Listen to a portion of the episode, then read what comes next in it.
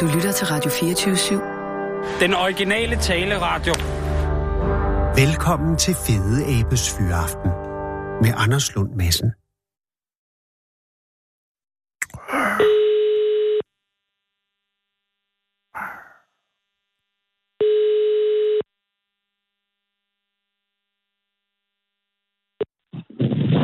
Det er Bo. Hej Bo, det er Anders Lund Madsen fra Radio 24 København. Goddag, Anders. Er det okay, jeg ringer nu? Du lyder som om, Ja, du, er, du er udenfor. Ja, det gør jeg. Du læser det meget. Nej, nej, alt er godt, Nej, men jeg vil, bare, jeg vil bare være sikker på, at du ikke er, øh, fører øh, tung øh, maskineri eller et eller andet. Nej, det gør jeg ikke. Åh, oh, gudskelov. Nej, ja, lige nøjagtigt. Jamen, det er jo det. Øh, er du i Viborg? Er du i Løvel nu? Jeg er i Løvel nu, ja. Som ligger ved Viborg. Ved Viborg, ja. Er du, er, øh, Bo, er du fra Løvel? Nej, jeg har faktisk op fra Salingegn, men det er, det er lidt længere væk fra, fra Viborg egnen. Ja. Øh, men i øh, samme retning, eller hvad? ja, Okay. Ja. Men, så du flyttet østpå? ja, lige nøjagtigt. Okidoks. Øh, og, og jeg ringer jo angående øh, dit hus, eller omgivelserne af dit hus. Ja, lige nøjagtigt. øhm, fordi det må jo... Men før jeg lige går til huset, så tænker jeg bare, din baggrund, øh, at, hvad, hvad, hvad er dit erhverv? jeg er tømmer.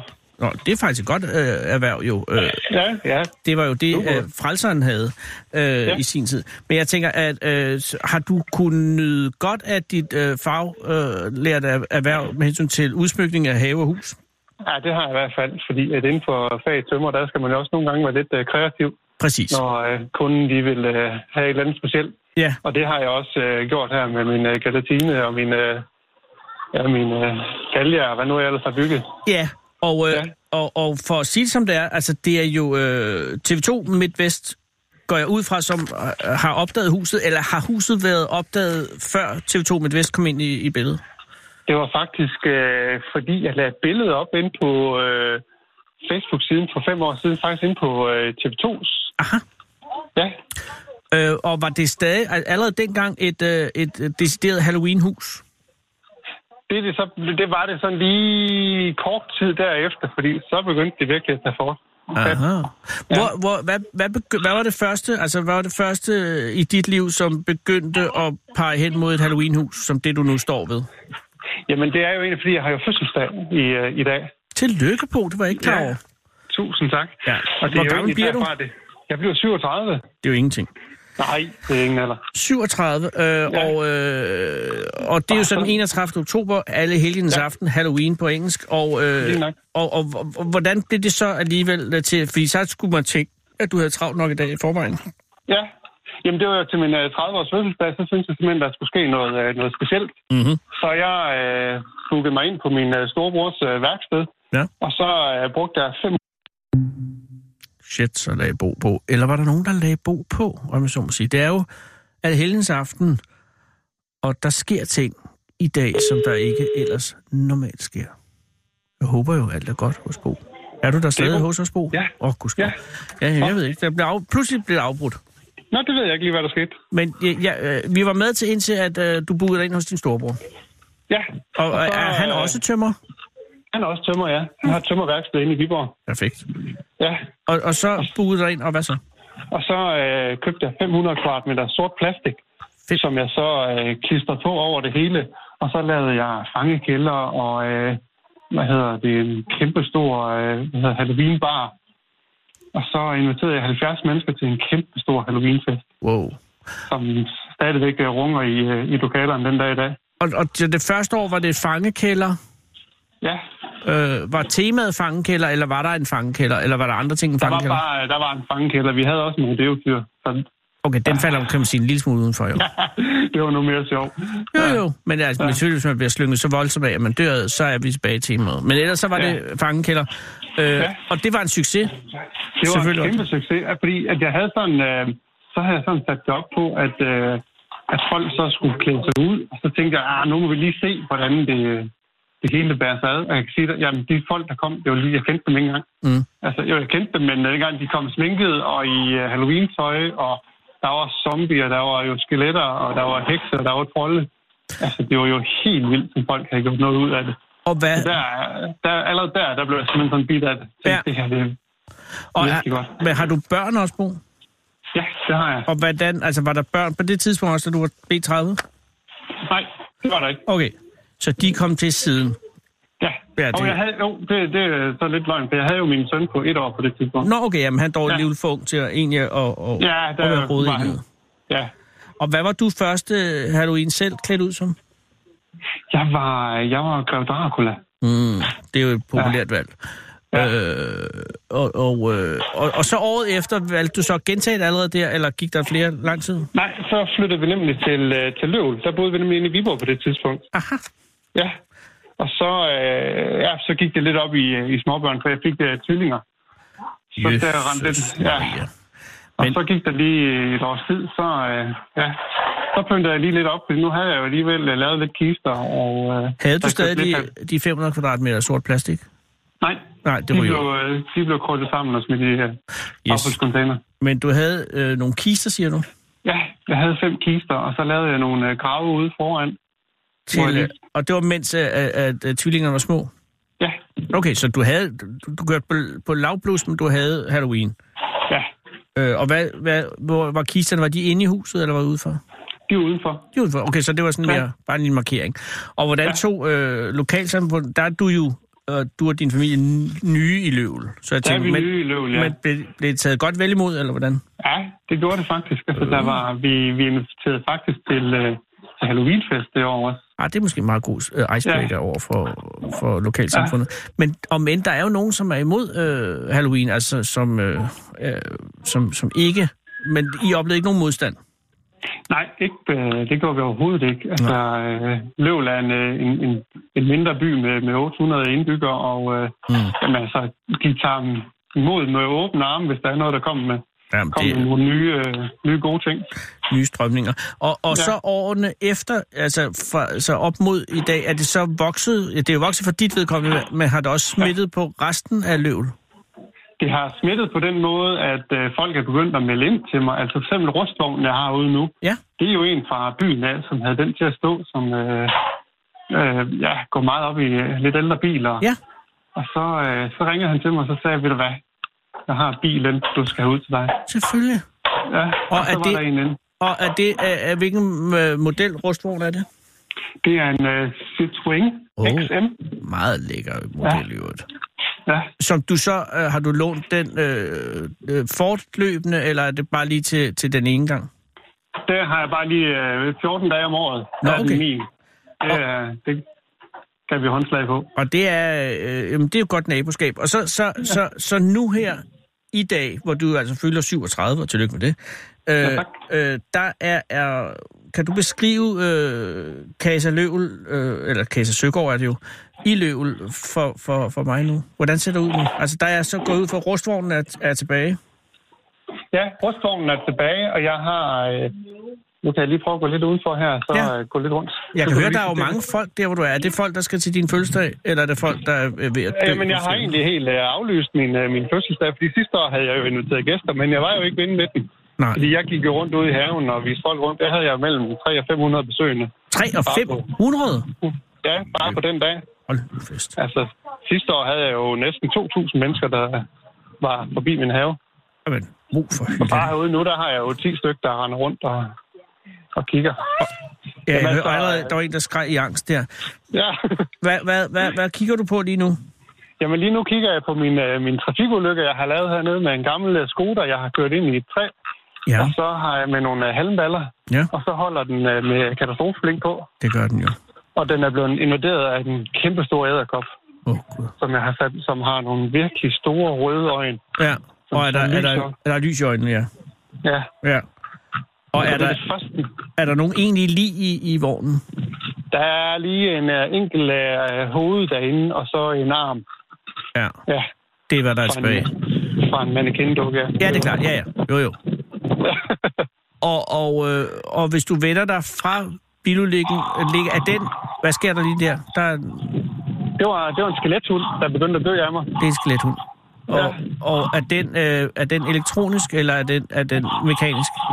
Den er elektronisk. Og er den aktiveret ved, at du går hen i nærheden? Nej, der skal jeg godt nok lige trykke på en, øh, på en knap her. Ja, så virker den den også. Ja, Ja, og, ja. og det er en skelethund, altså det er en hund, som er skeletteret. Ja.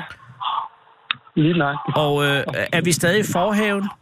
Nu er vi stadigvæk i forhaven, ja. Altså, så det, vejen. ja, jeg tænker, hvis jeg kommer til dit hus i, i Løvel der, er det så Ja. bilulykken, jeg ser først, eller er det Det skelethunden? er, det er, det er bilulykken først. Bilulykken først, det er ligesom Ja. entréen.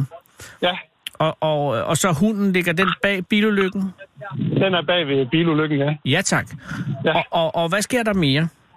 Så kommer jeg hen til en, øh, en mand, der er blevet hængt, Nå, og Ja. han er simpelthen blevet en uh, skelet. Han er gået hen og blevet skelet, ja. Ja. Men det han har jo hængt der noget tid.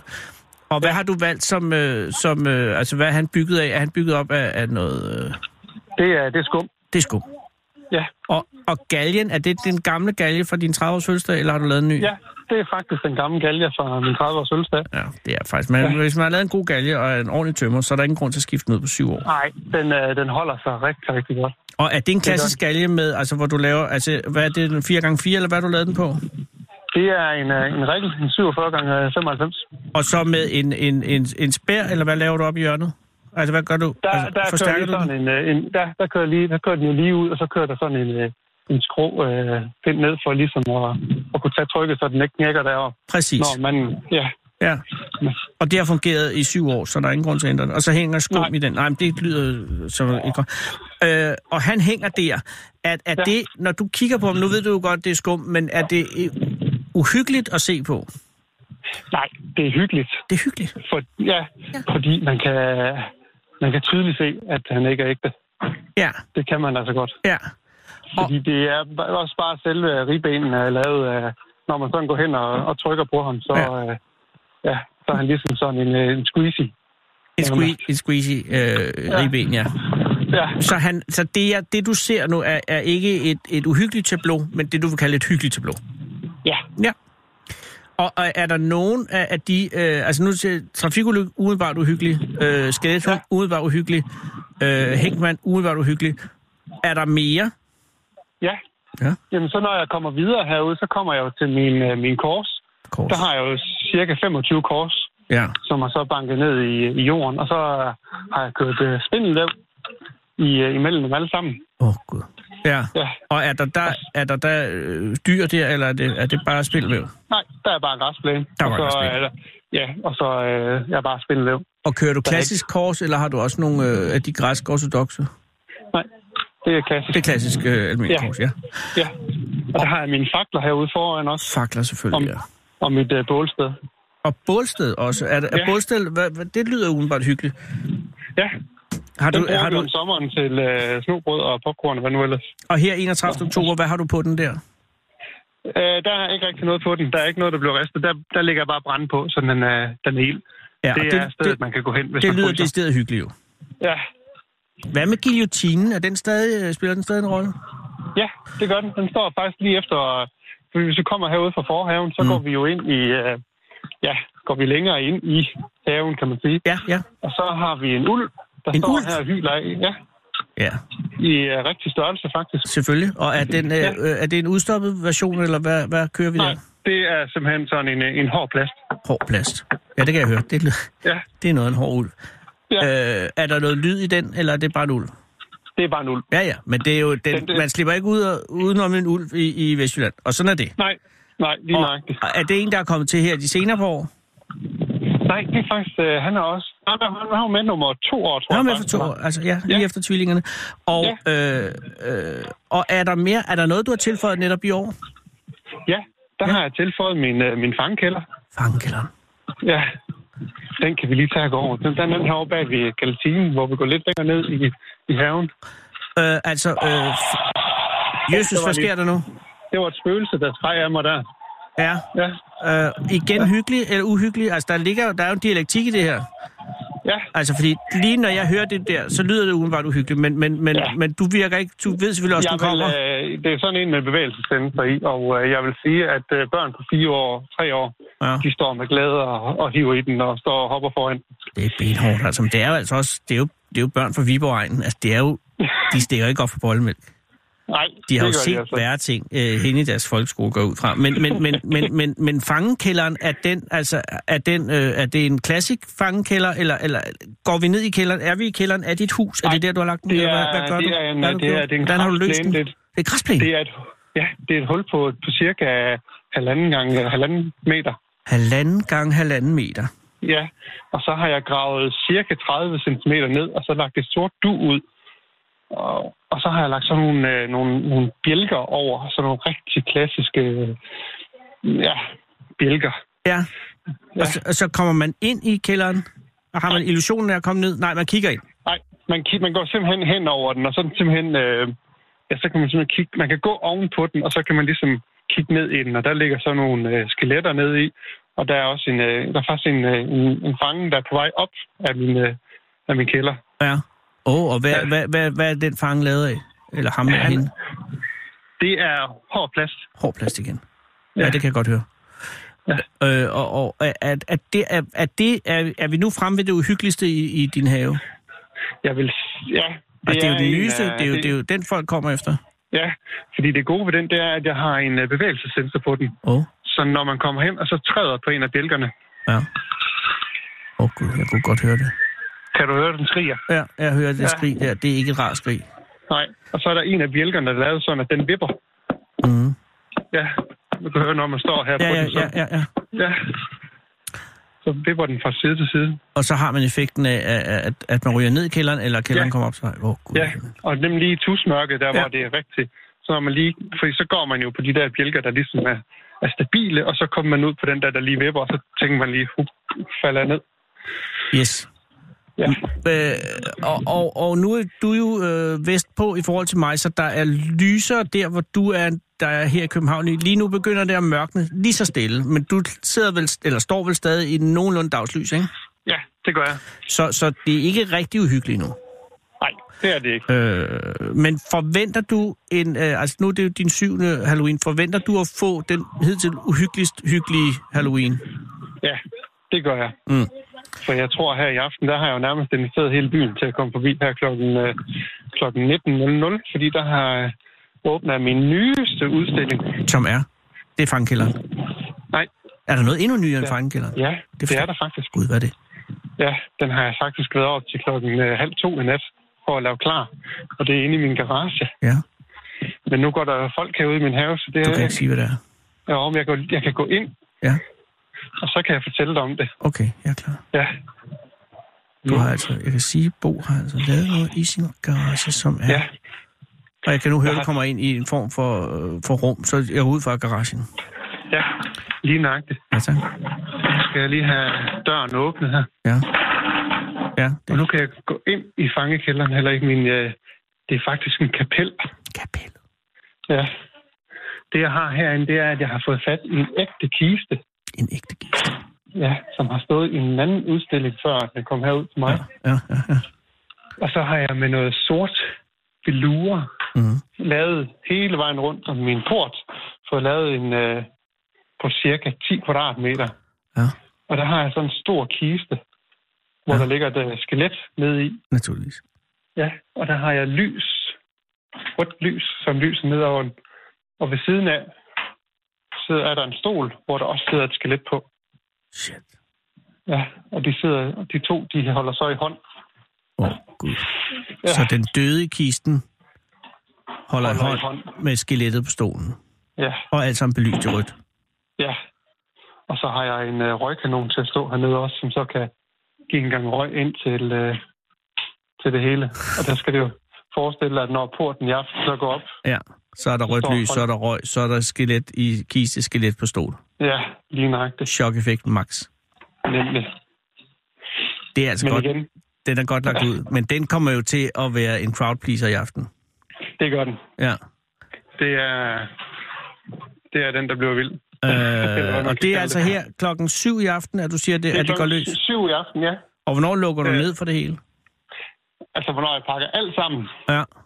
Det gør jeg den 11. november. Åh, oh, så, så du lader det køre? Okay. Ja, og det er simpelthen øh, fordi, at der, min erfaring af nogle af de første år, det var, at jeg pillede ned ganske kort tid efter den 31.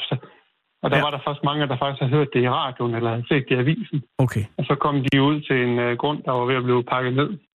Jesus. Ja, Og det skal de selvfølgelig ikke gøre.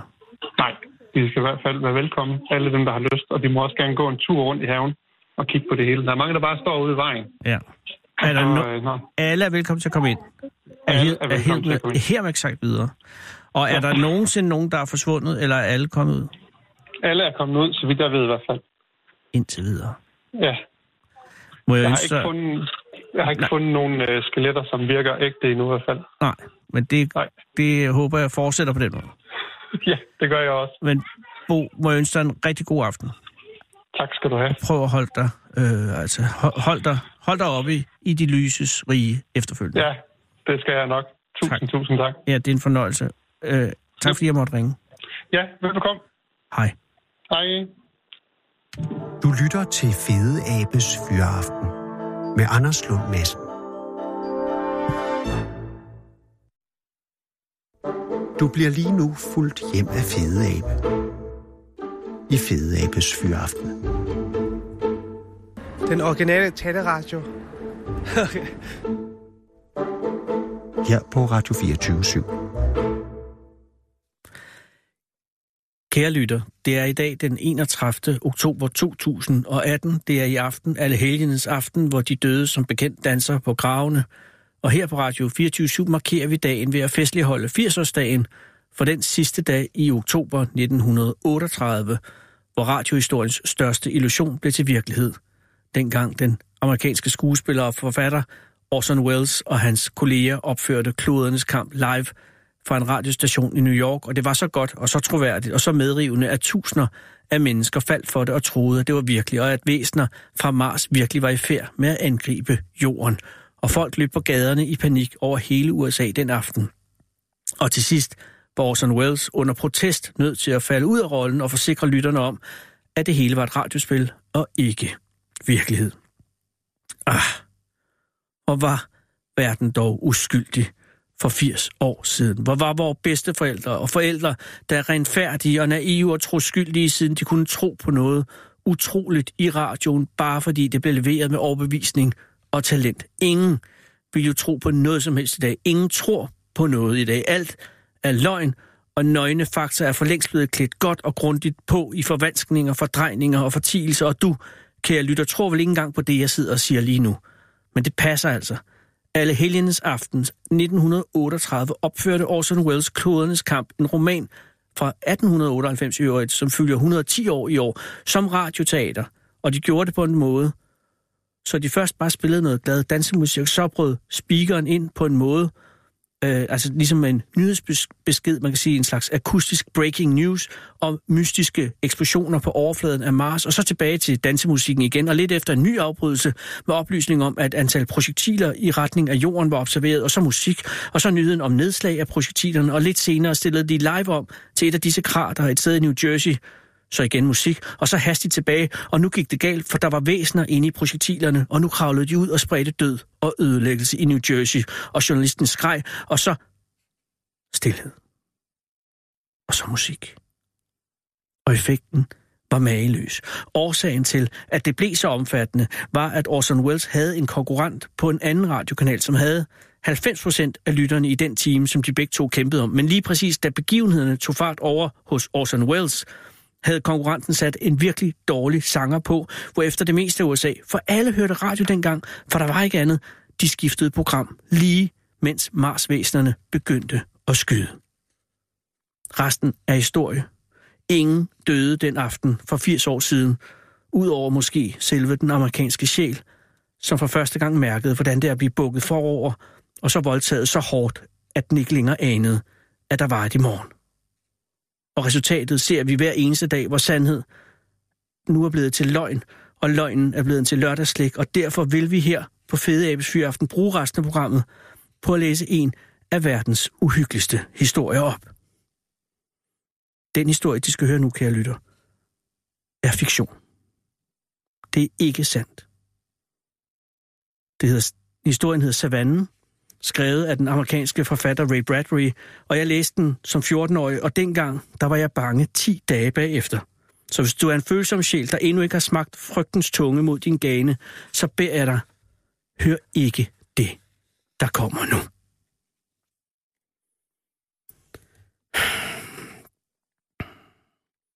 George, jeg vil ønske, du vil se på legeværelset. Hvad er der i vejen med det? Det ved jeg ikke. Nå, men hvad så? Jamen, jeg vil simpelthen bare gerne have dig til at se på det. Eller også få en psykolog til at se på det. Hvad skulle en psykolog med et legeværelse? Du ved udmærket, hvad han skulle. Hans kone blev stående tavs midt i køkkenet og så på komfuret, der nynnede travlt for sig selv, mens det lavede middag til fire. Legeværelset er bare anderledes nu, end det var før. Ja, ja da, så lad os se på det. De gik ned ad gangen i deres lydisolerede lykkelivshus, der havde kostet 30.000 dollars at få installeret. Dette hus, der gav dem tøj og mad og vuggede dem i søvn og spillede en sang og var god ved dem. Da de nærmede sig, blev en kontakt aktiveret et sted, og lyset i lejeværelset blev tændt, da de var tre meter fra det. På samme måde blev lyset tændt ude på gangen og slukket igen, når de kom forbi med blid automatik. Nå, sagde George Hadley. De stod på stråtæppet i legeværelset. Der var 15, det var 15 gange 15 meter, og der var 10 meter til loftet. Det havde kostet halvanden gange så meget som resten af huset. Men intet er for godt til vores børn, havde George sagt. Der var stille i legeværelset. Der var så stille som i en urskovslysning i den hede middagstime. Væggene var tomme og todimensionale. Nu hvor George og Lydia Hadley stod midt inde i værelset, begyndte væggene at summe, og det så ud som om de trak sig tilbage i, krystalli- i krystalliske dybder, og snart dukkede en afrikansk savanne frem i tre dimensioner på alle sider. Med farver, der var reproduceret ned til den mindste lille sten og det mindste strå. Loftet over dem blev til en dyb himmel med en brændende gul sol. George Hadley kunne mærke sveden springe frem på panden. Lad os se at komme ud af, sko- øh, lad os se at komme ud af solen, sagde han. Der er lidt for virkeligt det her. Jeg kan ikke se, men jeg kan ikke se noget galt. Så bare vent et øjeblik, sagde hans kone. Nu begyndte de skjulte odorofoner at blæse en brise af lugte hen mod de to mennesker midt på den solstegte savanne. Den varme strålugt af løvegræs, den kølige grønne lugt af det, fra det skjulte vandhul, den vældige rustne lugt af dyr, lugten af støv som rød paprika i den bagende luft. Og nu lydende. Bumpene af fjerne antilopefødder over græsture, gribenes papirsknitren. En skygge gled over himlen. Skyggen flaksede hen over George Hadleys, Hadleys opvinkte, svedende ansigt. Modbydelige dyr, hørte han sin kone sige. Gribende? Forstår du, øh, der er løver et, øh, forstår du, der er løver et stykke væk den vej? Nu er de på vej til vandhullet. De har lige spist, her Lydia. Hvad, ved jeg ikke. Et eller andet dyr, sagde George Hadley og holdt hånden op for at holde det brændende lys ude fra sine sammenknebne øjne. En zebra eller måske en girafføl. Er du nu sikker på det? Hans kone lød ejendomligt anspændt. Nej, det er lidt for sent til at, at være sikker på det, sagde han munter. Jeg kan ikke se andet derovre end pillede knogler og gribende styrter ned over det, der er tilbage. Hørte du ikke det skrig, spurgte hun. Nej, for omkring et minut siden. Desværre nej. Løverne nærmede sig. Og endnu en gang havde George Hadley fyldt en beundring. Blev George Hadley fyldt af beundring for det mekaniske geni, der havde fundet på dette værelse. Et mirakel af effektivitet, der blev solgt til en forbløffende lav pris. Det, havde været et, det burde være i et hvert hus. Åh oh, jo, en gang imellem, så kunne de godt gøre en bange med deres kliniske nøjagtighed, men man blev forbløffet, man blev forbøffet, for sammen. Men det meste af tiden var det vældig sjovt for alle, ikke blot for ens søn og datter, men også for en selv, når man fik lyst til hurtigt at stikke af til et fremmed land, til hurtigt at få lidt luftforandring. Nå, og her var det så. Og her var løverne nu, fem meter væk. Så forterende og forbløffende virkelig, at man kunne mærke den kildrende pels mod hånden, og ens mund blev proppet fuld af den støvende plyslugt af deres opvarmede pelse. Og deres gule farve slog ind i ens øjne som den gule farve i et finsk fransk gobeling. De gule farver af løver og sommergræs og lyden af sammenpressede løvelunger, der ånder ud i den tavse middagstund, og lugten af kød fra de prustende, savlende gab. Løverne stod og så på George og Lydia Hadley med frygtelige grøngule øjne. Pas på, skreg Lydia. Løverne kom løbende hen imod dem. Lydia snøvede rundt og løb. George sprang instinktivt efter hende. Udenfor på gangen, efter at døren var smækket, stod han og lå, mens hun græd, og de var begge forfærdet over den andens reaktion. George, Lydia, okay, søde, stakkels lille Lydia. De fik nærmest ram på os. Det er vægge, Lydia. Husk nu det. Krystalvægge. Det er det eneste, de er. Åh oh, ja, de ser virkelig ud. Det må jeg indrømme. Afrika i dagligstuen. Men det er ikke andet end tredimensionelle, superreagerede, superfølsomme farvefilm på tankebånd og tankebånd bag glasskærme. Det er ikke andet end odorofoni og lydeffekter, Lydia. Her er mit lommetørklæde. Jeg er bange. Hun kom hen til ham og trykkede sin krop op mod ham, mens hun hulkede stille. Så du det ikke? Kunne du ikke mærke det? Det er alt for virkelig. Hør nu her, Lydia. Du bliver nødt til at sige til Wendy og Peter, at de ikke må læse mere om Afrika. Ja, ja, selvfølgelig, selvfølgelig, sagde han og strøg over håret. Vil du love det? Ja da. Og lås af for legeværelset et par dage, bare indtil mine nerver er faldet til ro. Du ved godt, hvor vanskelig Peter er, når det gælder det værelse. Da jeg straffede ham for en måned siden ved at låse af for øh, legeværelset et par timer, sikke et hysterisk anfald, han fik. Og Wendy med. De lever for det legeværelse. Ja, det skal bare låses af. Anna er der ikke mere at sige om det. Ja, ja. Han låste modstræbende for den store dør. Du har for hårdt. Du trænger til at hvile ud. Jeg ved ikke rigtigt. Jeg ved ikke rigtigt, sagde hun og puttede, pussede næse og satte sig ned i en stol, der øjeblikkeligt begyndte at gynge og trøste hende. Måske har jeg ikke nok at lave. Måske har jeg for meget tid til at tænke over tingene. Skulle vi ikke lukke huset på dage og tage på ferie? Mener du, du gerne vil spejle æg til mig? Ja, nikkede hun. Og stoppe mine sokker? Ja. og Kom med, kom, kom det med en hæftig nikken, mens tårerne stod hende i øjnene. Og feje gulvet? Ja, ja, åh ja. Jamen, jamen, jeg troede, det var derfor, vi købte huset her. For ikke at skulle behøve at lave noget, ikke? Jamen, det er lige det. Jeg har ikke nogen fornemmelse af at høre til her. Huset er hustru og mor nu og barnepige. Kan jeg måske konkurrere med en afrikansk savanne? Kan jeg give børnene mad og skrubbe dem så effektivt og hurtigt, som den automatiske skrubbebad kan? Nej, det kan jeg ikke. Og det er bare ikke mig. Det er også dig. Du har været frygtelig nervøs her på det sidste. Jeg har nok røget for meget. Du ser ud som om, du ikke ved, hvad du skal stille op med dig selv her i huset. Du ryger lidt mere for hver formiddag, der gør. Du drikker lidt mere for hver eftermiddag, og skal have lidt mere sovepiller hver nat. Du begynder at føle dig overflødig. Gør jeg? Han tav og prøvede at række ind i sig selv for at se efter, hvad der i virkeligheden var derinde. Hun så forbi ham over mod døren til legeværelset. De løver kan ikke komme ud derfra, vel? Han så på døren så den give sig, som om der var noget, der var sprunget ind imod den på den anden side. Selvfølgelig ikke, sagde han. De spiste middag alene, for Wendy og Peter var til et særligt plastikkarneval i den anden side af byen, og havde videofoneret hjem for at sige, at de kom sent hjem, og de bare skulle spise. Så George Hadley sad helt forvirret og så sit spisebord fremstille varme rette mad i sit mekaniske indre. Vi har glemt ketchupen, sagde han. Undskyld, sagde en lille stemme ind i bordet, og ketchupen dukkede op. Nu, med det legeværelse, tænkte George Hadley, det gør ikke børnene noget at blive låst ude fra det et stykke tid.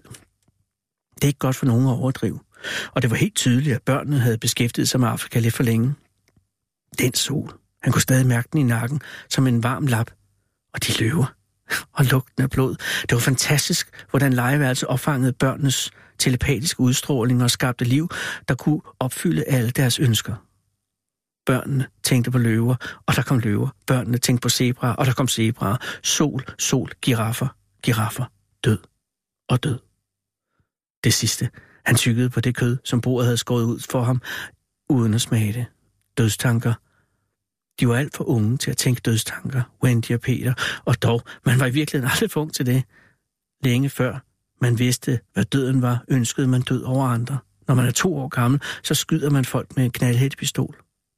Men det her, denne vidstrakte, hede afrikanske savanne, den frygtelige død under en løves kæber, gentaget den ene gang efter den anden. Hvor skal du hen? Han svarede ikke Lydia. Fortabt i sine egne tanker lå han lysende tændes blidt foran sig og slukkes bag sig, mens han sjoskede ud til døren. Over til døren til legeværelset. Han lyttede ind mod den. Langt borte brølede en løve. Han låste døren op og åbnede den. Lige før han gik ind, så hørte han et fjern skrig, og så endnu et brøl fra løverne, der hurtigt svandt hen. Han trådte ind i Afrika. Hvor mange gange det sidste år havde han ikke åbnet døren her og fundet Eventyrland, Alice, den forlorene skildpadde, eller Aladdin og hans vidunderlampe, eller Jack, græskerhovedet fra os, eller Dr. Doolittle, eller koen, der sprang over en måne, der så meget virkelig ud, og alle de vidunderlige ingredienser i en fantasiverden. Hvor tit havde han ikke set Pegasus flyve over loftshimlen, eller set et springvand af rødt fyrkeri, eller hørt englestemmer synge. Men nu dette gule, varme Afrika, denne bageovn, mod mor. Med mor i heden. Måske havde Lydia ret. Måske trængte de til en lille ferie fra de fantasier, der var ved at blive lidt for virkelige til børn på 10 år.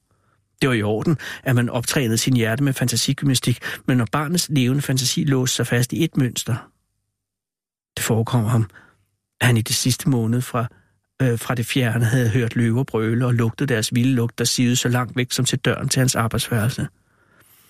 Men han havde haft travlt og havde ikke taget hensyn til det. George Hadley stod alene på den afrikanske græssteppe. Løverne så op fra deres bytte og betragtede ham. Den eneste mangel på illusionen var den åbne dør, hvor igennem han kunne se sin kone sidde åndsfraværende og spise middag langt nede af den anden ende, i den anden ende af den mørke gang, som indrammede billedet. Forsvind, sagde han til løverne. De forsvandt ikke. Han vidste alt om princippet bag værelset. Man sendte sine tanker ud. Det, tænkte, det man tænkte på, dukkede op. Lad os få Aladdin med lampen, sagde han. Skete ikke noget. Løverne knurrede under deres solhede pels. Aladdin! Han gik tilbage til middagen. Det fjollede værelse er i uorden, sagde han. Det reagerer ikke. Eller også. Eller også kan det ikke reagere, sagde Lydia. Fordi børnene har tænkt på Afrika og løver og drab så mange dage, at værelset er kørt fast i en skure. Det kan godt være. Eller også har Peter pillet ved det, så det hænger fast. Pillet ved det? Det kan være, han har åbnet for maskineriet og pillet ved et eller andet. Men Peter ved ikke noget om maskiner. Han ved meget af en, er en på 10 at være. Hans intelligenskotient, jamen, ja, dagsmor, dagsfar. George og Lydia Hadley vendte sig om. Wendy og Peter kom ind af hoveddøren med kinder så røde som slikkepinde, øjne så lysende blå som agatkugler og en lugt af ozon i trøjen efter turen med helikopteren. Ikke lige noget at spise med, sagde begge forældre. Vi er med af jordbæs og hotdogs, sagde børnene, der holdt hinanden i hånden. Men vi sætter os ned og holder med selskab. Ja, kom og fortæl os om legeværelset, sagde George Hadley. Bror og søster så blinkende over på ham og derefter på hinanden. Legeværelset?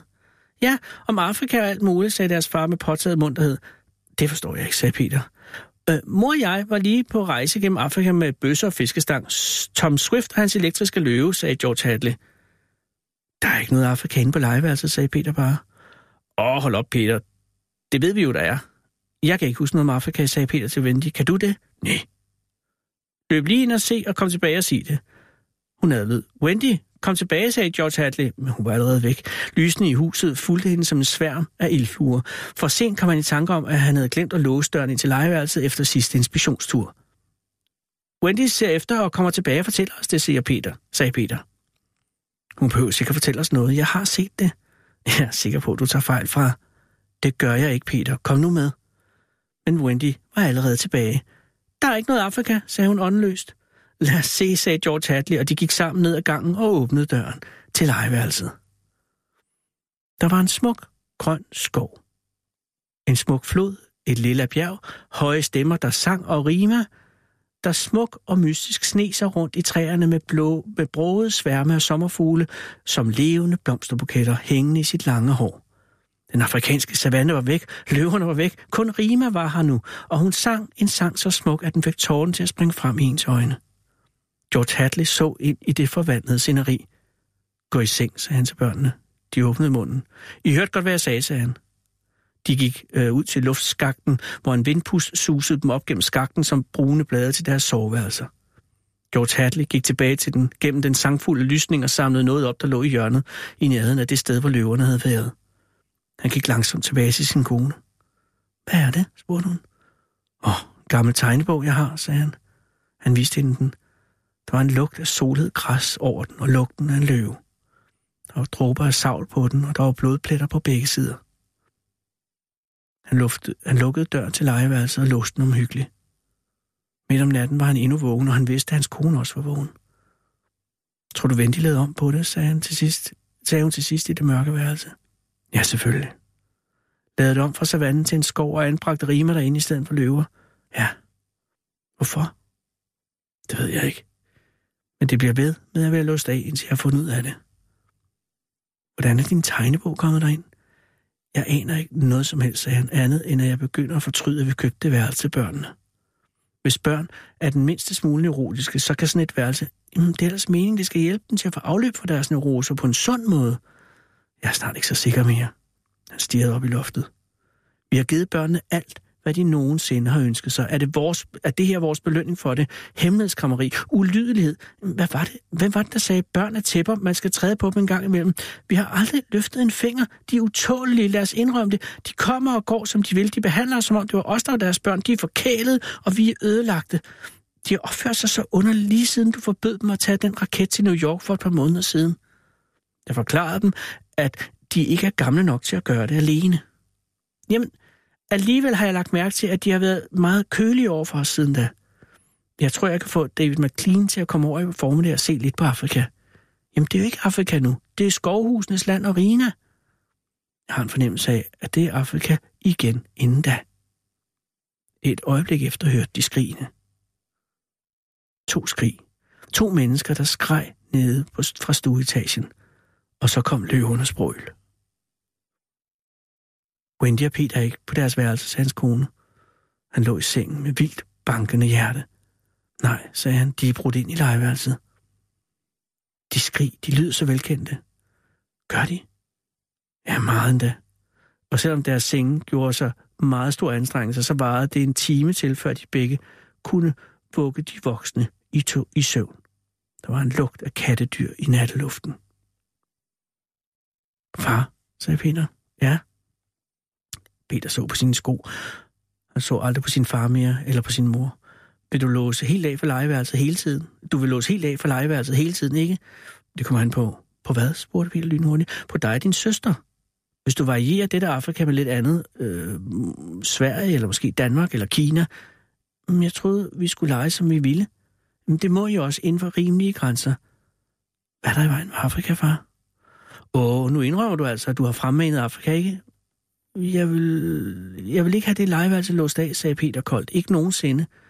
Vi, trænger faktisk, øh, vi, vi tænker faktisk på at lukke af for hele huset i en måneds tid og leve på sådan en sovløs måde i fællesskab. Det lyder forfærdeligt. Skulle jeg så binde min egen snørbånd i stedet for at lade snørbåndsbinderen gøre det og børste tænder og redde mig og tage bad selv? Det kunne være sjovt til en forandring, ikke? Nej, det ville være frygteligt. Jeg kunne ikke lide, jeg kunne ikke lide da du fjernede øh, kunstmalerapparatet i, i sidste måned. Det var fordi, jeg ville have, at du skulle lære at male helt alene, min dreng. Jeg vil ikke lave andet end at se og lytte og lugte ting. Hvad andet er der at lave? Ja, ja, så leg du i Afrika. Vil du lukke af for huset snart?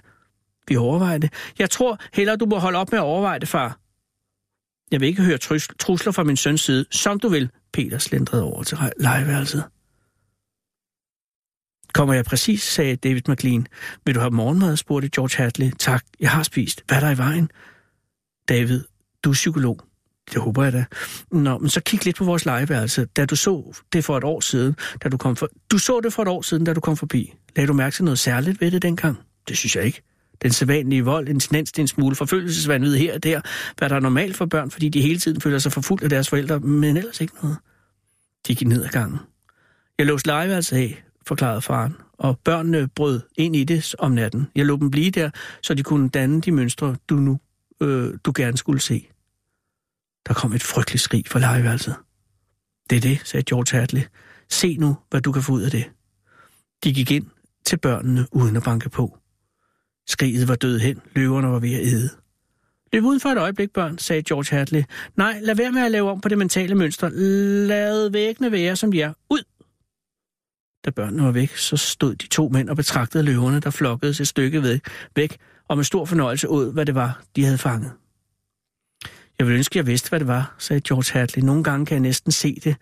Hvis vi nu tog nogle stærke kigger derhen, så måske, tror du så ikke, McLean lå med en tør latter. Næppe. Han vendte sig om for at studere alle fire vægge. Hvor længe har det været sådan her? Lidt over en måned. Det føles i hvert fald ikke godt. Jeg at være kendskærninger, ikke følelser. Kære George, en psykolog kan aldrig nogensinde, har aldrig nogensinde set en kendskærning. Han hører kun om følelser, noget om, om noget vagt. Det her føles ikke godt, siger jeg dig. Du må tro mine fornemmelser og mine instinkter. Jeg kan lugte, at når der er noget galt. Men det her er meget galt. Jeg vil råde dig til at få det hele det forbaskede værelse revet ned, og få børnene over til mig til en behandling hver dag det næste år. Er det så slemt? Det er jeg bange for. En af de oprindelige anvendelsesmuligheder for disse legeværelser var jo at give mulighed for at studere de mønstre, børnenes tanker har efterladt på væggene i ro og mag, og så hjælpe barnet. Men i det her tilfælde er værelset blevet en kanal for, kan man sige, destruktive tanker, i stedet for et middel for at slippe væk fra dem. Har du ikke mærket det før? Jeg kunne ikke mærke andet, end at du har forkælet dine børn mere end de fleste. Og nu svigter du dem på en eller anden måde. Og på hvad for en måde? Jeg vil ikke lade dem tage til New York.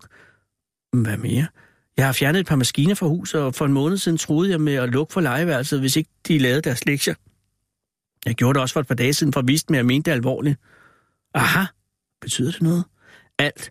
Der, hvor de før havde julemanden, der har de nu en Scrooge. Børnene foretrækker julemand, julemanden. Du har lavet værelset her og huset træde i stedet for dig selv og din kone i, der, i dine børns følelsesliv. Værelset her er deres mor og far og betyder langt mere for deres liv end deres virkelige forældre. Og nu kommer du så og vil lukke for det. Det er lige ikke så mærkeligt, at der opstår et had. Man kan mærke det komme ned fra himlen. Mærk den sol. George, du bliver nødt til at lave om på dit liv. Som så mange andre har du bygget det op med bek- på bekvemmeligheder.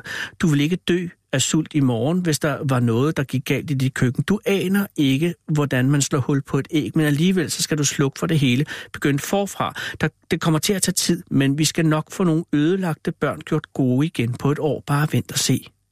Jamen bliver det så ikke et stort chok for børnene, sådan abrupt og definitivt at slukke for værelset? Jeg vil bare ikke have, at de kommer længere ud i det her. Løverne var færdige med deres blodige festmåltid. Løverne stod i udkanten af lysningen og så på de to mænd. Nu føler jeg mig for fuld, sagde McLean. Lad os se at komme ud herfra. Jeg har aldrig brugt mig om de forbaskede værelser. De gør mig nervøs. Løverne ser helt virkelig ud, ikke? sagde George Hadley. De kan vel ikke på en eller anden måde... Hvad? Ja, på en eller anden måde blive virkelig...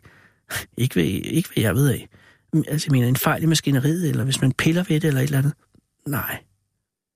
De gik hen til døren. Jeg tror ikke, værelset ville bryde sig om og blive slukket for, sagde faren. Det er ikke noget. Der er ikke noget, der kan lide at dø. Selv ikke et værelse. Kan jeg vide, om det hader mig, fordi jeg vil slukke for det? Jeg kan love for, at der her er paranoia alle vejene i dag, sagde David McLean. Man kan føle det som et spor. Hej, han bøjede sig ned og tog et blodigt tørklæde op. Er det dit? Nej, sagde George Hartley, hvis ansigt var stivnet. Det tilhører Lydia. De gik hen til hovedafbryderen sammen og trykkede på den kontakt, der dræbte legeværelset. De to børn blev hysteriske. De skreg og hylede og smed om som af ting. De brølede og hulkede og bandede og hoppede i møblerne. Du må ikke gøre sådan noget ved nej, legeværelse. Nej, hold så op, børn. Børnene smed sig grædende på en divan. George, sagde Lydia Hadley, tænd for legeværelse bare et par minutter. Du kan ikke gøre det så pludselig. Nej, jeg vil ikke. Du kan ikke være så grusom. Lydia, der er slukket for det, og det bliver der ved med at være. Og hele det forbandede hus dør med det samme. Jo mere jeg har set til det råd, vi har lavet med os selv, jo mere bliver jeg led og ked af det. Vi har kigget for længe på vores mekaniske, elektroniske navler. Gud, hvor vi trænger til at få noget ordentligt luft ned i lungerne. Og han vandrede rundt i huset og slukkede tab taløerne og ovnene og varmeapparaterne og skopusserne og snørbåndspinderne og kropsgrupperne og vasker massagemaskinerne og alle de andre maskiner, han kunne få fingre i. Det virkede, som om huset var fuldt af lig. Det føltes som en mekanisk kirkegård. Så stille. Ikke mere summende, skjulte maskiner, der fyldte af, af energi, ventede på at fungere, blot man trykkede på en knap. Du må ikke lade dem gøre det, jamrede Peter op mod loftet, som om han talte til huset, til legeværelset. Lad os ikke far slå det hele ihjel. Han vendte sig op mod sin far. Hvor jeg dog hader dig. Du kommer ingen vegne med fornærmelser. Jeg vil ønske, du var død der har vi været i lang tid. Nu skal vi begynde at leve rigtigt. I stedet for at blive flyttet rundt med og masseret, skal vi leve. Wendy græd nu, og Peter begyndte også forfra. Bare et øjeblik, bare et øjeblik, bare et lille øjeblik i legeværelset, jamrede de. Åh, oh, George, sagde hans kone, det kan du ikke, det kan da ikke gøre noget. Ja, ja da. Bare de så tiger stille, men kun et minut. Så bliver der slukket for alt fremtid. Far, far, far, sang børnene smilende med våde ansigter og så tager vi på ferie. David McLean kommer tilbage om en halv times tid for at hjælpe os med at flytte og komme ud til lufthavnen. Jeg klæder mig om. Du kan lige tænde for legeværelset et øjeblik, Lydia, men husk nu kun et øjeblik. Og de tre andre forsvandt pluderne, mens han lod sig suge op gennem luftskakten og gav sig til at klæde om. Et øjeblik senere kom Lydia ind. Det bliver godt, når vi kommer afsted, sukkede hun. Lod du dem være alene i legeværelset? Jamen, jeg vil også lige klæde mig om. Åh, oh, det er frygteligt Afrika. Hvad kan de dog se i det? Ja, nå. Men om fem minutter er vi på vej til Iowa. Hvad i alverden øh, har vi nogensinde set i det her hus? Hvad har fået os til at købe et marit? Forfængelighed, penge, tåbelighed. Jeg tror heller, vi må komme ned under, før de unger igen bliver helt optaget af de forbandede dyr. Lige det øjeblik hørte de børnene råbe. Far! Mor! Kom hurtigt! Hurtigt! De to luftskagt ned og løb hen ad gangen. Børnene var ikke at se nogen steder. Wendy! Peter! De løb ind i legeværelset. Det var tomt på savannen, bortset fra løven, der så på dem. Peter! Wendy! Døren smækkede i. Wendy! Peter! George Hadley og hans kone snurrede rundt og løb tilbage til døren. Åbn den dør, råbte George Hadley og prøvede dørgrebet. Hvad i alverden? De har låst den udefra. Peter! Han hamrede på døren. Luk så op! Han kunne høre Peters stemme udenfor ind mod døren. Lad dem ikke slukke for legeværelset og, og, og for huset, sagde han. George og Lydia hamrede løs på døren. Vær nu ikke så fjollede børn. Det er på tide at komme afsted. Mr. McLean kan komme når som helst. Og så hørte de lydene. Løverne vade på tre sider af dem gennem det gule savannegræs, knurrende og brølende ned i halsen. Løverne. George Hartley så på sin kone, og de vendte sig om og så tilbage mod dyrene, der langsomt kantede sig frem, krybende og med udstrakte haler. George og Lydia Hartley skreg. Og pludselig gik det op for dem, hvorfor disse andre skrig havde lyttet så velkendte. Nå, men så er jeg sagde David McLean i døren til legeværelset. Åh, dags. Han stirrede på de to børn, der sad midt i en åben lysning og spiste en lille skovtursfrokost. Bag dem var der et vandhul og den gule savanne, og over dem brændte solen. Han begyndte at svede. Hvor er jeres forældre henne? Børnene så op og smilede. Åh, de kommer snart. Godt, vi må se at komme afsted. I det fjerne kunne Mr. McLean se løverne kæmpe og flå i noget, og så faldt til ro og æde stillhed i skyggen af træerne. Så missede han over mod løverne med en hånd for øjnene. Nu var løverne færdige med at æde. De gik over mod vandhullet for at drikke. En skygge flaksede over Mr. McLeans ophedede ansigt. Mange skygger kom flaksende, gribende kom fejende ned fra den brændende himmel. Skulle det være en kop te, spurgte Wendy.